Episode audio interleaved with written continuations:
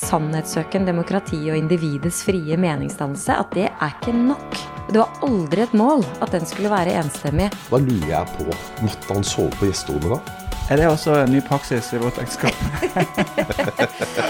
Skal vi intervjue han, da? Nei, men jeg må bare ha med han, og så kommer det til deg. Her er Stavrum og Eikeland, en podkast fra Nettavisen. Uh, vi går rett på. Eh, du bevilget 100 millioner kroner til bygging av kunstsiloen i Kristiansand. Totalt kosta den vel over en halv milliard kroner. Så nominerte Gunnar og Nettavisen til eh, Sløseriprisen i 2018. Og da lurer jeg på, måtte han sove på gjesterommet da? Nei, uh, nei, slett ikke. Uh, og Oi. det var vel eh, ikke jeg som bevilget de pengene heller, men det var et helt styre i stiftelsen Kultiva som, som bevilget de pengene. Og det var vel anvendte penger. Ja, Du mener det? altså, altså Kan du ikke forstå at folk blir litt provosert når det er en halv milliard kroner går til en kunstsamling til oljefondsjefen? Eh, jo, det gjør jeg. Eh, men eh, stiftelsen den er satt opp for å bygge infrastruktur som skal gjøre Kristiansand til et bra sted å være og bo. Og sikre arbeidsplasser i Kristiansand. Så den tildelingen var helt innenfor vedtektene til Kultiva. Og så var det også sånn at det var Kristiansand kommune bevilget 50 millioner. Det var ikke så veldig mye. Eh, Og i tillegg kom det en eh, bevilgning fra staten. Men, men jeg vil fortsatt være enig i det du eh, spør om, fordi det er en stor eh, endring. Det er et stort vedtak, det er et eh, viktig bygg i Kristiansand. eh, og, og da er det viktig med offentlig debatt. Det vet vi av erfaring at særlig kulturbygg skaper mye bråk. Ta f.eks. bare Operaen i Oslo, hvor, eh, hvor smertefull prosessen fram var. Og så, når den kom, så eh, er folk stort sett fornøyd. Så det tror jeg de blir med Kunststiloen i Kristiansand nå. Jeg forstår det, men, men eh, Kristiansand kommune fikk vel 2,5 milliard for sine aksjer i Agder Energi. Eh, de eier fortsatt litt, men solgte mesteparten.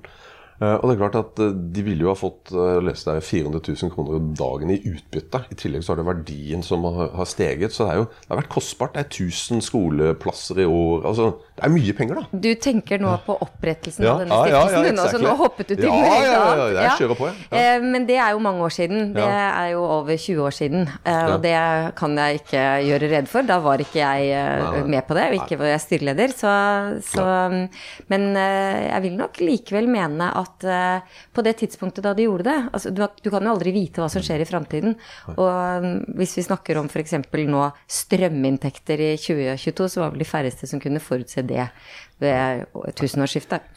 Men eh, det, er jo, det, er jo, det er jo utfordrende å intervjue sin egen kone, men jeg får prøve å være så profesjonell jeg kan. Ja, Eh, det ser jeg fram til. Eh, du var jo leder for Ytringsfrihetskommisjonen som la fram sin innstilling i går. 300 og noen og 60 sider, en tjukk bok. Men eh, to ting som dere sier, det er jo at, at det offentlige ordskiftet i Norge er bedre enn den katastrofefremstillingen som mange har av det, og at det ikke er noen tendenser til polarisering i Norge. Da vil jeg hoppe til Kristiansand. og, og den mediestormen som har vært i sosiale medier. Har du følt at det offentlige ordskiftet har vært bedre sitt rykte, og at det ikke har vært polarisering i Kristiansand? Nei, det er, det er, en- det er en veldig god påpekning. eh, Men, men det er, selv om det har vært det i Kristiansand, så kan vi ikke eh, på en måte avlede ut av det at, eh, at det er det i hele Norge. Det er ingen tegn til at Norge er polarisert. Og vi snakker om Norge som et polarisert land som om det var likt USA. Eh, og da vil jeg bare ønske dere velkommen til 70-tallet, hvor vi hadde AKP-ML, vi hadde sterke rivninger mellom eh, kirken og, og samfunnet. Vi hadde abortkamp. Altså det var virkelig et polarisert eh, Norge på den tiden. Og det ser ikke vi, at det er fakta som belegger det. Um, Når det. Når det gjelder Kristiansand, så er jo erfaringen med debatten rundt kunstsiloen er helt eh, særegen. Veldig interessant og veldig viktig, og vi har brukt mye tid på å diskutere den i kommisjonen. Jeg har vært med på mange diskusjoner eh, som følge av at jeg er veldig opptatt av ytringsfrihet. Eh, og, og det det er mye som kan si om det ordskiftet i Kristiansand, men at det var, eh, gikk over stokk og stein, det er det ingen tvil om. Ja, for det, ja. Eh, Dan Bichoy, redaktøren for Subjekt, eh, var jo med på, på fremleggelsen av, av kommisjonen i går. og Han sier jo på en måte at, at det å ytre seg i debatten, offentlig debatten, det, det, du må være forberedt på at det koster. Og når du får harde meldinger tilbake som gjør vondt, så er det fordi at det du har sagt i utgangspunktet, er viktig. Har du virkelig klart å ha den følelsen i Kristiansand? Eh, tja, altså i Kristiansand så, så det jeg mislikte særlig der, var jo den anonyme debatten som disse sørlandsnyhetene på Facebook la opp til. Jeg har personlig veldig liten sans for, eh, for folk som velger anonymitet som et ståsted for å angripe andre. Eh, Det, vi er innom anonymitet i Ytringsfrihetskommisjonens rapport. eh, Og, og sier jo selvfølgelig at det er jo ikke noe man skal forby, men allikevel at det bør være unntak. Eh, Og da tenker jeg særlig at det, det skal være en grunn til at du trenger beskyttelse. Det skal være en grunn til at du eh, ikke bør være kjent for det du har å formidle. Det å velge et anonymt ståsted for angrep, det har jeg som sagt veldig lite sans for. Okay, det er jeg enig med deg Men i Kristiansand, det er en spesiell by. Det er kule folk som kommer derfra. Men, men, men eh, altså, Fevennen har jo en vanvittig makt i Kristiansand. Og folk blir jo litt frustrerte, for de kan jo egentlig eh, velge litt hva de skal skrive om, selvfølgelig. De er sin rett. Og, og da er det jo mange som føler at ikke de blir hørt. Da. Og det er vel litt av årsaken til hvorfor Sørlandsnyhetene ble til, da. Ja, altså jeg tror, det? ja, eh, eh, det er jo at eh, en by med e- ett stort, eller ett medium, det, det er jo ikke uvanlig at den avisa eller det mediehuset får en, en avgjørende innflytelse på hva som blir satt på agendaen. Eh, Men, men, eh, men når man ser tilbake på det som skjedde i Kristiansand, så var det vel eh, særlig tre saker som, som var viktige. Det var det å kunne få lov til å diskutere denne kunstsiloen ordentlig, uten at man følte at konklusjonen var gitt. Og så var det hvor eh, hvor det såkalte Gartnerløkka, eller bompengeringen, skulle, skulle gå. Og så var det flytting av havna. De tre sakene var helt åpenbart eh, ikke tilfredsstillende diskutert, da. Jeg, er, jeg må si at jeg er eh, Hva skal jeg si? Jeg elsker offentlig debatt. Jeg mener at offentlig debatt er det beste vi har. Eh, og, og det at disse lå eh, at det var mye misnøye knytta til hvordan de var blitt behandla, det, det, tror jeg det tror jeg er helt riktig. Og, og da fikk dette utløp eh, på Facebook. Kulturministeren eh, Anette Trettebergstuen hun sa jo i går at, at hun var veldig forbløffa over at, at utvalget hadde klart å levere en innstilling på 360 sider enstemmig uten noen dissenser. Og det, Når du ser på sammensetninga, så er det jo alt fra Vebjørn Selbekk, som er på en måte en konservativ kristen, til eh, Magdi, som er eh, i hvert fall delvis, eller helt delvis muslim. Og det er, det er veldig stort sprang i meninger. Eh, har det gått stille for seg på bakrommet? Nei, stille har det jo ikke gått. Det, vi har jo diskutert, men aldri, aldri mm, på annen måte enn veldig saklig. Eh, jeg, det første jeg sa til departementet da, jeg, eh, da det ble klart at jeg skulle lede kommisjonen, var at her blir det dissenser. Og, og jeg bestemte meg også for at det ville være en styrke for utredningen. Det var aldri et mål at den skulle være enstemmig. Eh, Og jeg tror ikke noen av oss egentlig tok inn over oss at den kunne bli enstemmig, inntil vi var liksom helt på oppløpssiden. Og vi skjønte at øss, her knekker det på plass. Eh, Og det gjorde det fordi at vi hadde vi hadde kjørt diskusjoner rundt bordet. Vi hadde klart å diskutere oss til enighet. Vi formulerte oss fram til Og det er jo veldig viktig å formulere seg fram sånn at man eh, kan stå inne for fremstillingen. Og da må man jo gjerne drøfte det litt. Eh, Det mener jo jeg også er en riktig framstilling av ytringsrommet.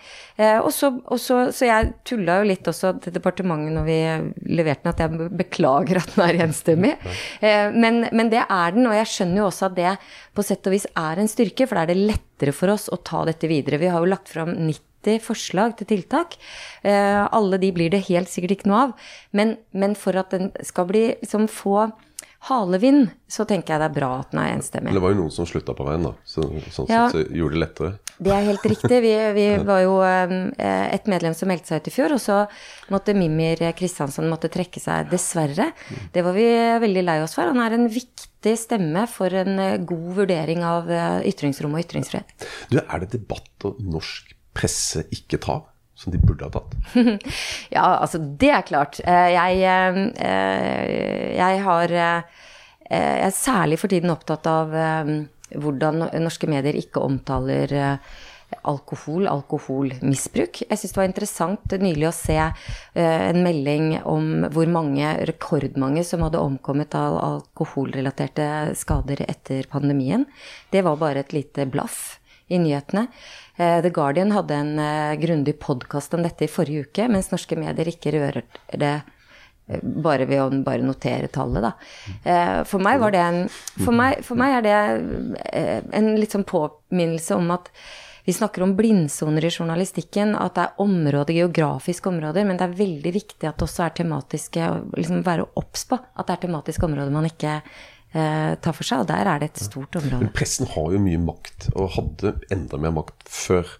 Men har det ikke hjulpet nå med at vi har fått så mye, også at eh, pressen kan ikke gjemme seg bort? Altså. Nei, men pressen har vel kanskje nå mer makt enn den hadde før. For nå er det en dyp erkjennelse at det er ekstremt viktig at vi har gode, eh, faktabaserte medier. Eh, I en erkjennelse av hvor mye falske nyheter og desinformasjon og konspirasjonsteorier som eh, svirrer rundt der. Men, men, eh, men sosiale medier har jo hovedsakelig bidratt til at mediene har blitt bedre. Syns du ikke det?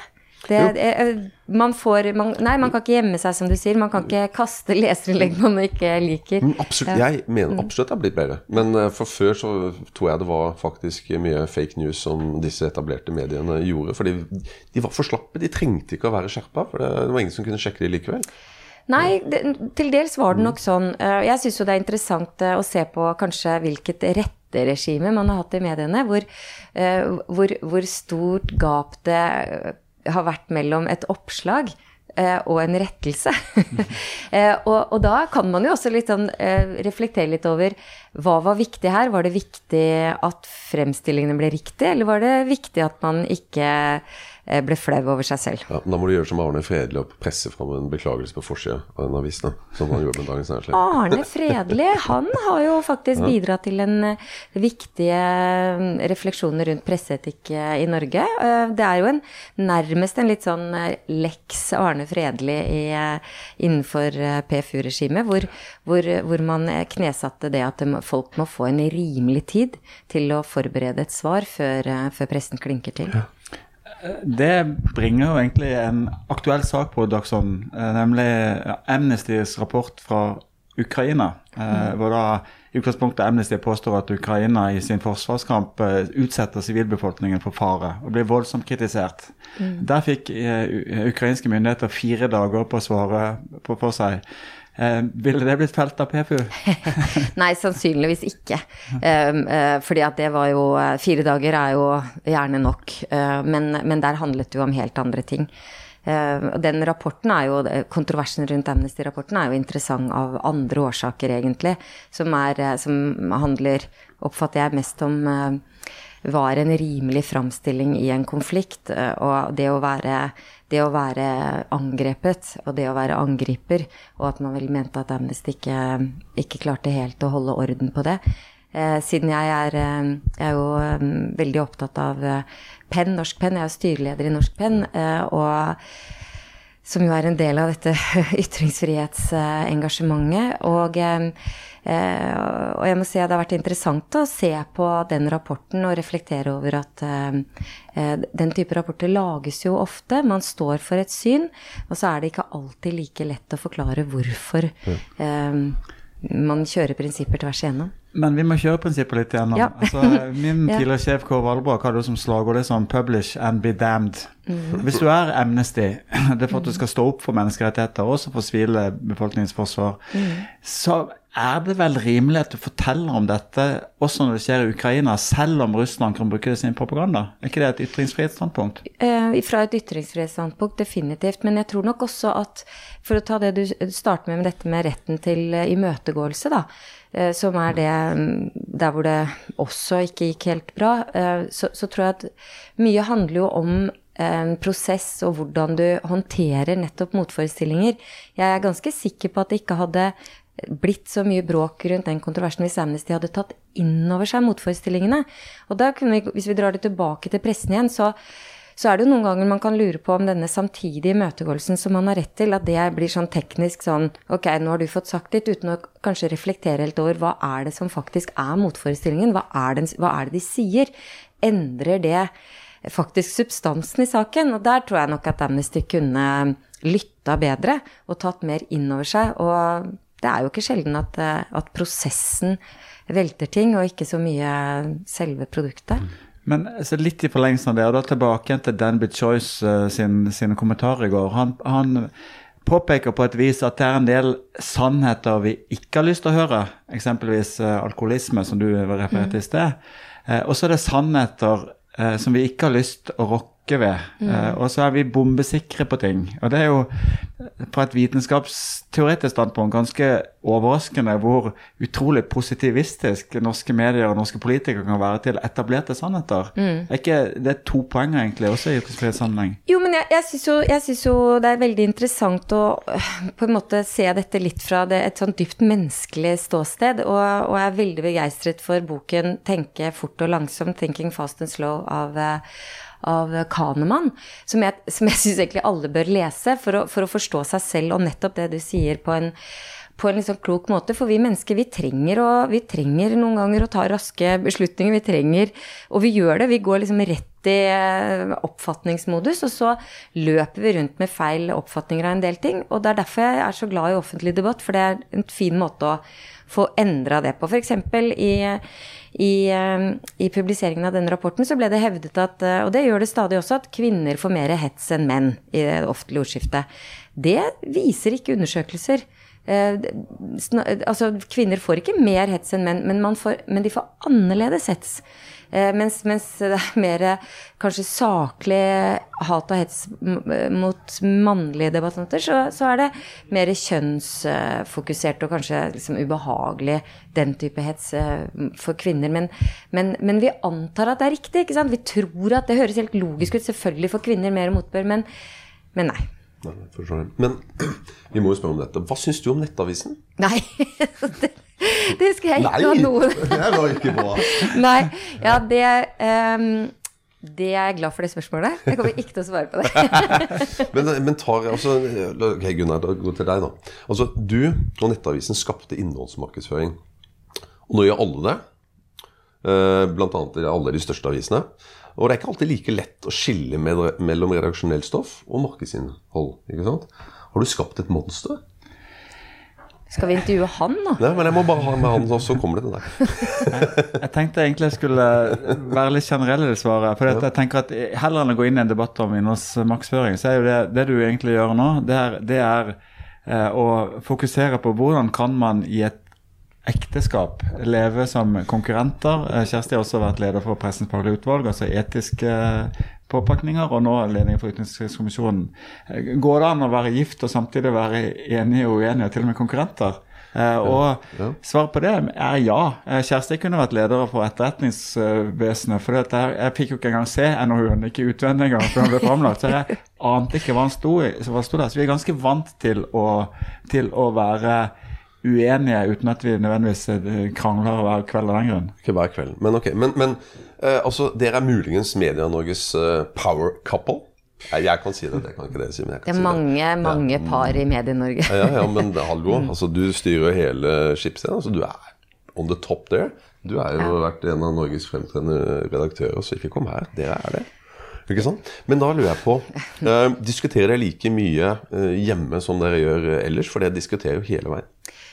Um, ja, altså vi, vi, er jo opptatt av ting i samfunnet, men, men uh, for egen del, og jeg hører jo at Gunnar sier det samme, så syns jeg det har vært egentlig befriende at vi alltid har hatt veldig klart for oss hvor går, det, hvor går grensene. Jeg har aldri hatt Gunnar som sparringpartner for ting som uh, angår jobb, og det, det har jeg syns vært fint. Det har gitt uh, meg eh, mitt liv og min, eh, min frihet. Og jeg, jeg syns heller ikke det har vært særlig vanskelig å vite hvor den grensa går. Ja. Eh, den, og når det gjelder den NOU-en, jeg syns det var veldig morsomt, for jeg hadde den jo med meg. Vi var i, på hytta i helgen, men jeg tok den jo aldri opp. Jeg turte ikke å I tilfelle og, og, det vil jeg altså si, altså, i tilfelle Så Gunnar ante virkelig ingenting, og vi har aldri diskutert innholdet i den. Og det, det er jo også eh, litt sånn av respekt for at Gunnar er redaktør, hvor, hvor krevende ville ikke det vært for han å visst. Det er mye bedre at han ikke visste. Det sies jo om, eh, om, stortingsjournalister at de ikke tør å skrive det de vet, av frykt for å ikke få vite enda mer ting de heller ikke kan skrive. ja. Det er jo ikke noen fordel å vite ting du ikke kan skrive. Men, eh,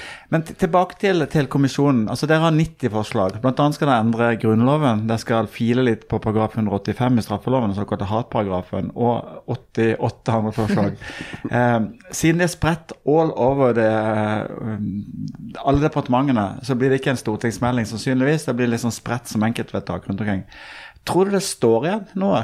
Kommer dette til å bli vedtatt? Altså det, det um, For det første så der her vi sitter nå, et, et ganske et sånn skarpt døgn etter at vi la den fram, så, så oppfatter jeg at den er blitt veldig godt mottatt. Jeg tror egentlig den ikke kunne blitt bedre mottatt. Jeg, jeg, jeg sa eh, på en video til eh, Shazza Machidi i VG som skulle lede debatten i går, at eh, sånn rett før jeg gikk på, så sa jeg at det, blir det bråk, sier hun. Ja, men det kan det godt bli, sier jeg, men bare ikke vi blir misforstått. Og det har vi så langt ikke blitt. Og, og jeg tror at selv om, selv om vedtakene kanskje liksom flyter rundt og det ikke blir en stortingsmelding, så vil dette dokumentet bli brukt som en, kun, en kunnskapsplattform som vi kan diskutere ut fra. Jeg tror det blir veldig vanskelig å f.eks. gå rundt og si at Norge er mer polarisert og stadig mer polarisert, når vi har sagt at sånn er det ikke. Um, at, vi, at vi kan bidra til litt sånn guiding, og ikke minst det jeg oppfatter som ja, jeg syns jo alt der er veldig viktig, da. Det er mange viktige påpekninger. Men, men dette at vi sier at Norge er veldig privilegert, og vi minner om det, det, og at vi bør heller jobbe med sånn, å forsterke det positive, bygge på det positive som særpreger Norge, og at vi foreslår at vi bør tenke på ytringsrommet som noe som bli, bør bli universelt utforma. Dette er jo overordna viktige budskap som jeg håper at debatten videre Hvis debatten videre blir på en måte bygger på det, da har vi jo oppnådd masse. Men det er et punkt som det er lett for å bli misforstått på. og Derfor har jeg tenkt å spørre spesifikt om det. og Det går på endringen av paragraf 100 i Grunnloven. Mm. Hva er det egentlig dere foreslår, og hva er det dere vil oppnå? Jeg er enig i at det eh, ikke er klart. Eh, og vi har ikke ment at det skal være klart heller. Eh, eh, mandatet sier at vi skal ta utgangspunkt i paragraf 100. Men, men vi tok jo også det utgangspunktet at vi diskuterte den. Og I paragraf 100 der står Det- at ytringsfrihet skal Ja, ikke sant? Der, det heter jo ytringsfrihet bør finne sted. Uh, og der for øvrig, det bør betyr skal, og der har vi det gående. Jeg liker ikke at vi har lover som ikke sier direkte hva de faktisk, uh, hva de faktisk burde stå der. Eh, og, og, og som følge av det mm, Når vi har ettergått all, all forskning rundt ytringsfrihet i Norge, så, så ser vi at vi stadig mer legger vekt på betydningen av ytringsfrihet som noe som skal trene deg i å tåle motstand. Vi har jo vært innom det nå i de spørsmålene dere stiller. Eh, at, vi skal, at vi skal bli kjent med hvilke stemmer som finnes der. At vi må akseptere at det er stemmer du bare absolutt skulle til og med liksom ønske at det ikke fantes. Eh, og derfor så mener vi at de begrunnelsene som ligger i paragraf 100 nå, eh, som er sannhetssøken, demokrati og individets frie meningsdannelse, at det er ikke nok. De favner ikke den verdien ytringsfrihet stadig større grad har. Og det er eh, toleranse og mangfold. Altså eh, lære å tåle, holde ut det mangfoldet som fins der. Og så sier vi vi ber om at man vurderer å inkludere det som begrunnelser. Og der, der slipper vi ballen tidlig, vil jeg si. Men kanskje klarer vi å få i gang en debatt som det er viktig at juristene føler eierskap til, for ellers så blir det jo ingenting av dette. Altså, Den populære versjonen av vi skal, vi skal, Du skal rett til å si hva du vil. Det er bra for demokratiet og for at folk kan danne seg meninger. Men da skal du jaggu tåle et mangfold av motstemmer også. Ja, ja men, men, og det er, det er jo rart det der. Altså, når vi gjør oss opp en mening, og så får man jo gjerne trang til å dele den meningen. Og, og da, på veien der så er det nok også lett å tenke at den meningen er veldig god. Jeg ser ikke bort fra at veldig mange er enig med meg, kanskje alle. Og så er ikke alle det. Eh, Noen misforstår hva du sier, noen vrangleser deg, og noen er rett og slett komplett uenig. Og det er derfor Danby Choi sier og minner om det at eh, sant, det privilegiet det er å gjøre meningen sin kjent, det å ta en plattform, det å liksom kringkaste en mening, det, det må man også forstå at eh, er en motmening for andre, og da, da må man også vite at det kan komme litt vind tilbake. Og så må de som sender den vinden skjønne at det, den bør være rimelig. Men nå, altså, nå er nok ytringsfrihet. Vi må oh, ja. tilbake til dere. Altså, vi altså, Det Altså, har ikke jeg noe behov for. Jo, jo, jo, men det er jeg. Dere har data siden 1994. Eh, vært gift siden 1997. Eh, dere har to fantastiske barn. I helgene bestiger dere enten en fjelltopp et eller annet sted, eller så besøker dere et kulturminne i Europa eller et eller annet sted. Mens de ukedagene styrer store deler av Medie-Norge, kan dere forstå at noen synes at dere er provoserende vellykket? Nei, det har jeg aldri reflektert over. Nei? Men, men, men jeg, jeg sa så vidt i stad at det er mange par i, det er mange par i Medie-Norge. Det er mange par i Norge. Det som jeg tror at vi kanskje gjorde dumt, hvis jeg skal si det så, selv om jeg ikke angrer på det, er at vi har samme etternavn. Så vi blir på en måte en påminnelse om at vi er et par. Og der, Mens de andre forsvinner i Og så større stilte dere vel opp i Se og Hør også på 90-tallet, gjorde dere ikke det? Det Det er veldig ikke lenge siden. Ellers så ligger vi lavt. Men hva er det mest crazy dere gjør? Kjersti? Hva sa du? Hva er det mest crazy dere gjør? Nei, det vet jeg ikke. Det, men dette er heller ikke et Se og Hør-intervju, så jeg Nei. foreslår at vi går tilbake til saken. Jeg, tilbake. jeg kan røpe at Kjersti er glad i å danse. Men eh, hvis jeg skal, kan stille et privat spørsmål Crazy. som går Ja. over i ytringsfriheten, nemlig dere foreslår jo at det skal være lov å kalle politiet mer enn du uh, gjør i dag. Uh, blant annet så er det helt innafor å kalle politiet for en call-orm. Er det også en ny praksis i vårt ekteskap? Eh, uten straff. Eh, jeg mener at eh, lista bør kunne legges eh, eh, høyere. Jævla for, eh, idiot. Ja, ja, ja altså, uten at jeg blir utsatt for straff. Ja. Noen, noen flere ytringer der. Ja. Men nå går vi inn for landing. Ja. Eh, og Kjersti, altså Gunnar han har jo svidd av over 20 kilo i løpet av året. Det er jo imponerende. Jeg må jo gratulere. Det hadde jeg aldri trodd at du hadde klart, men det har du klart. Eh, du har blitt en skygge av deg selv. Eh, og da lurer jeg på hvordan har det vært å være en slankefrue? Ja, jeg tulla jo med det. Jeg tulla jo med Ja. det at jeg skulle lage bloggen eh, Slankefrue. Eh, og fikk en del likes på det, så jeg, på Facebook. Eh, eh, nei, altså, hva skal jeg si til det? Eh, det mm, Jeg kan ha kommet i skade for å si at det kanskje var på tide å gå ned i vekt, men jeg så ikke dette komme. Nei? Nei. Men ok, eh, nå avslutter vi, og da sier jeg bare at eh, Gunnar han har irritert seg noe sinnssykt over at du alltid slo han i løping. Ja. Uh, og du har alltid løpt fortere, og du har vel uh, familierekorden i maraton og sånn. Er du redd for at den ryker nå i Valencia? ja, det var my point exactly. Jeg er redd den ryker nå. Mhm. Jeg lærte et tegn, da, det er at det er dumt å kappløpe med folk som er eh, 50 kilo lettere og 10 år yngre. Du fikk Stavrum og Eikeland, en podkast fra Nettavisen.